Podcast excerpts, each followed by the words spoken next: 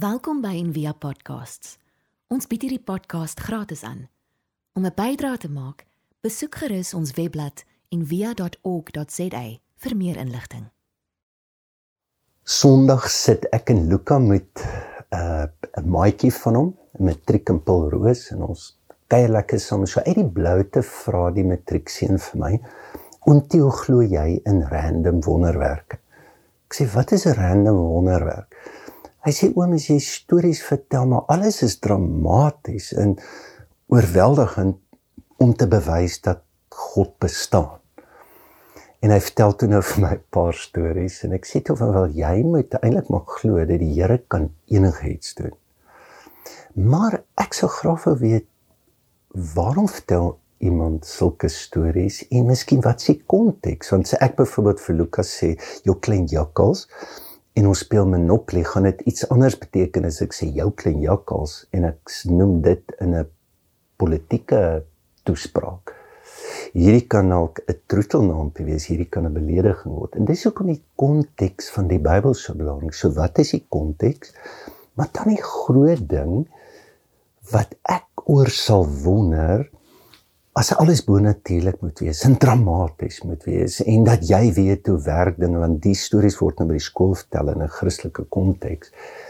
Sal 'n mens na Jesus se woorde moet luister wat sê, ehm um, op 'n dag vra hulle vir hom doen 'n wonderwerk. En hy sê nee nee nee nee, slegte oorspelig slag soek wonderwerke. So ek dink, ek het dit nou nie hulle gesê nie, maar dit het dalk iets te doen met ons geestelike groei want menslike ontwikkeling en geestelike groei het amper dieselfde fases.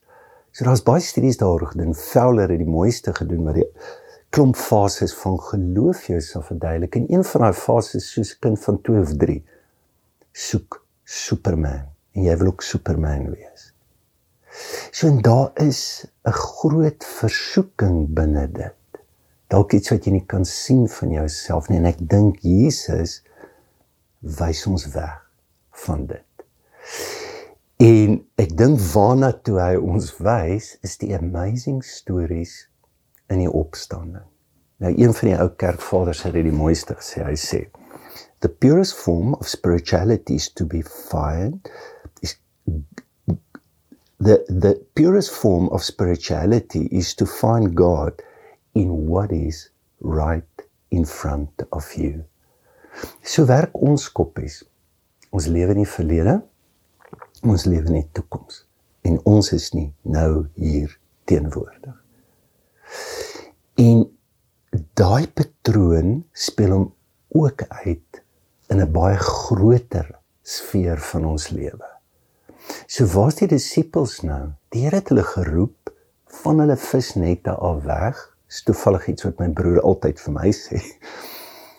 En nou s' hulle weer terug daar. Dis amper soos nuwejaarsvoornemens. En met enige geestelike ervaring is dit so dat jy met iemand eintlik voorberei en ons doen dit as jy berge toe gaan of plekke toe Ons het gewoonlik 'n tydperk na die berge wat ons vir of 2 dae jy op die lange gaan sit en ons probeer net die heilou bietjie breek. Of ons sê ons wil jou voorberei om weer terug te gaan na die matrix toe. So wat hoe werk hierdie lewe? Dit beïnvloed ons, dit beïnvloed ons bewussyn.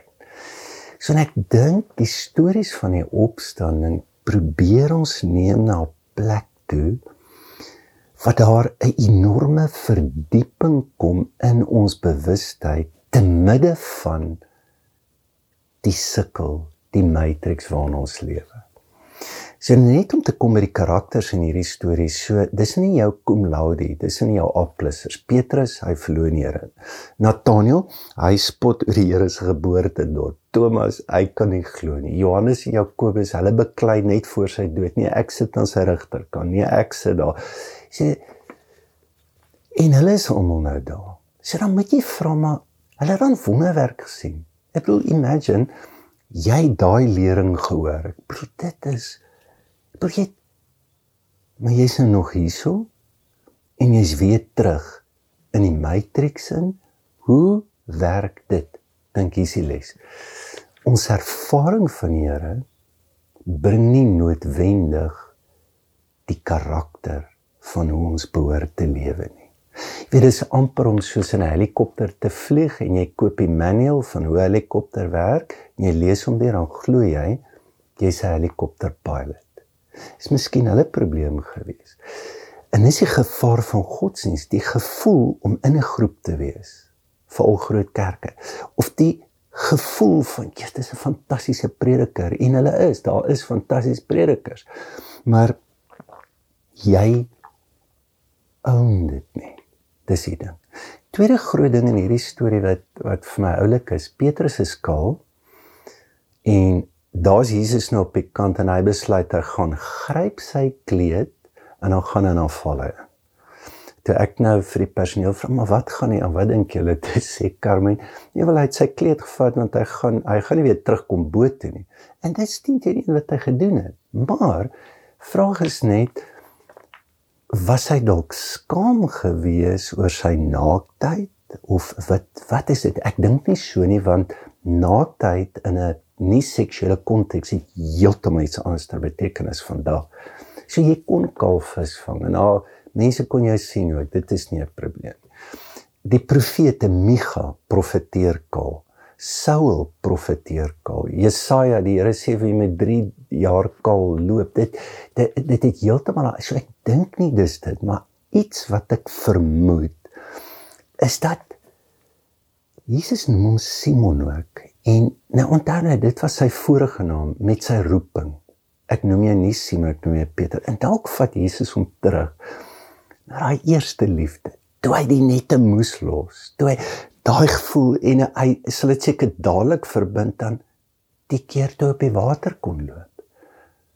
En dis nou maar wat ek dink is dat hy gryp sy jas en hy dink, "Oké, okay, hier loop ek weer op die water. Jesus, ons is weer terug in die ou dae in en daar sink hy.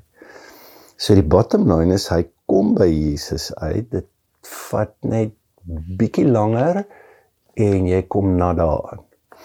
Maar ek dink die groot ding is ons wil altyd is die Here op 'n sekere manier werk en ons daai dingetjie herhaal.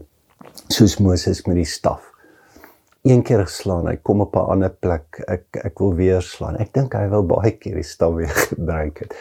Daai staf werk nie. Want die uitnodiging is nie na die uiterlike manier of metodiek of dit gaan oor God en God wat opgestaan het en wat elke keer anders uniek in 'n liefdevolle manier na ons lewe toe kom. So en dan is daar weer net so subteks, so die geliefde disipel op die kant en Johannes is lief vir daai karakter. Hy sien hom, dan sê hy vir Petrus dis die Here, dan maar dan vra hy ook, is dit die Here? En is miskien 'n groter probleem met mense wat wonderwerke doen en hulle weet ook gewoonlik vra hulle eerder oor die twyfel, die onsekerheid, die uitnodigings van die Here ook. Dit waarmee ons sukkel, dit hoe ons werklik voel. Dit het alles met spiritualiteit te doen. Dan hierdie laaste ding. So alles wat gebeur in die opstandingsverhale gebeur in die gewone klein alledaagse. Nie in die buitengewone en net nou en dan nie. So Jesus loop saam met vreemdelinge en hulle herken hom nie op die pad van Emmaus. Hulle kry hom en sê oor hy's 'n tuinier. So hy's so gewoon en ek glo hy kan in almal kom en hy kom ook in almal. En dan in hierdie gedeelte wie verwag hom? Daar by 'n vuurtjie nou roostertjie en hy berei 'n ete voor. So ek hou baie van in teologie het hulle hierdie mooi woord sakramentele teologie. So die lewe word 'n sakrament. So wat's 'n sakrament? Dis wanneer die sigbare jou deur en jou deurgang word na die onsigbare. En dink net vir 'n oomblik. Dis die opstanding. Dit is waarvoor ek en jy geroep word. Net die laaste gedagte. So Paulus sluit af skryf 27 jaar na Christus en dan sê hy hierdie enkele liggaam van Christus is die hele skepping en menslike ras. Nou ek wil net luister net vir 'n oomblik. Jy ken hierdie skrifgedeelte, maar luister net vir 'n oomblik hoe radikaal dit is. 1 Korintiërs 12 van 12. Net soos die liggaam 'n eenheid is en baie lede het en soos al die lede saam is hulle baie een liggaam vorm, so is dit ook met die liggaam van Christus. Omdat ons almal een liggaam geword het. Wie sê ons almal? Is ons almal met een gees gedoop of ons nou 'n Jood of 'n Griek is, 'n slaaf of vry. Ons is almal van die een gees deurdrink. Soos Jesus sê eet, hierdie is my liggaam, verwys hy nie net na die brood nie. Hy verwys na die hele skepping en mensdom. En dan moet hy radikale kategorieë uitwys slaaf, vry, of hy sê ons almal is deur een gees deurdrink. En dit is so jammer ons gebruik die nagmaal om 'n eksklusiewe teenwoordigheid te vier. Want jy is nou soos ek of ek het nou nie soveel sonde soos jy nie. Ek glo reg, dis hoekom die Here hier is. Terwyl dit iets baie groter is, is die uitnodiging is die sakrament om Christus in alles van ons lewe te ontdek. Ek hoop dat jy kan met hierdie bewustheid, met hierdie oë dat jy hoef nie ver te soek nie. Jy hoef nie eers na kerk toe te gaan om dit te kry nie. Maar dat God naby jou is en nader is, soos die Bybel sê, as jy denke, as jy sit, as jy opstaan, hy's bo jou, om jou, oor jou, by jou. Paulus se woorde in hom leef ek, in beweeg ek, in is ek. En mag daai bewustheid in jou verdiep word, want dan gaan dit nie moeilik wees om God in alles te sien.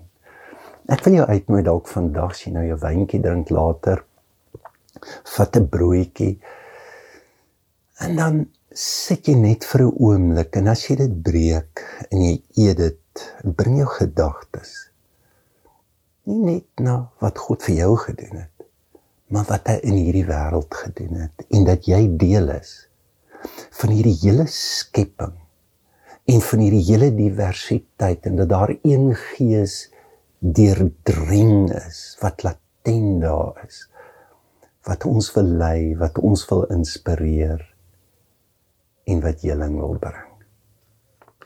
Kom ons bid saam.